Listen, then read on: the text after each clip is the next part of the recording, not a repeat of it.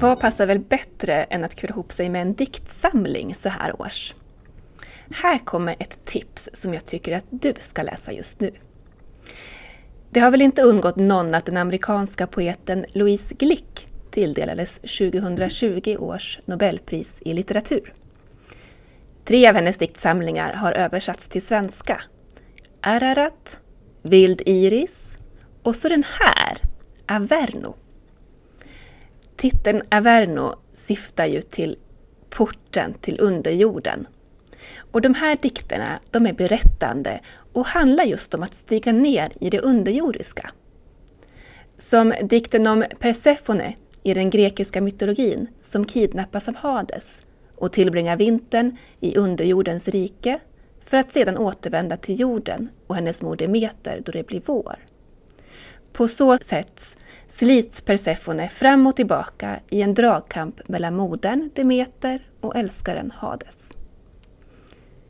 Ett annat tema i Averno är årstidernas skiftningar, övergången till vinter och död och sen våren och livets pånyttfödelse.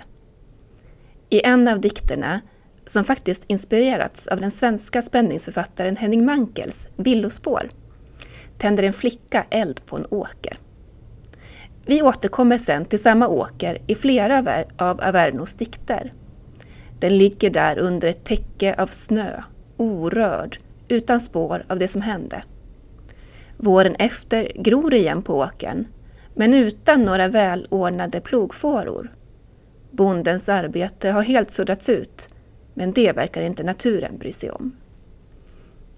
Jag tyckte mycket om Averno och det är både anspråksfulla och anspråkslösa i Louise Glicks dikter.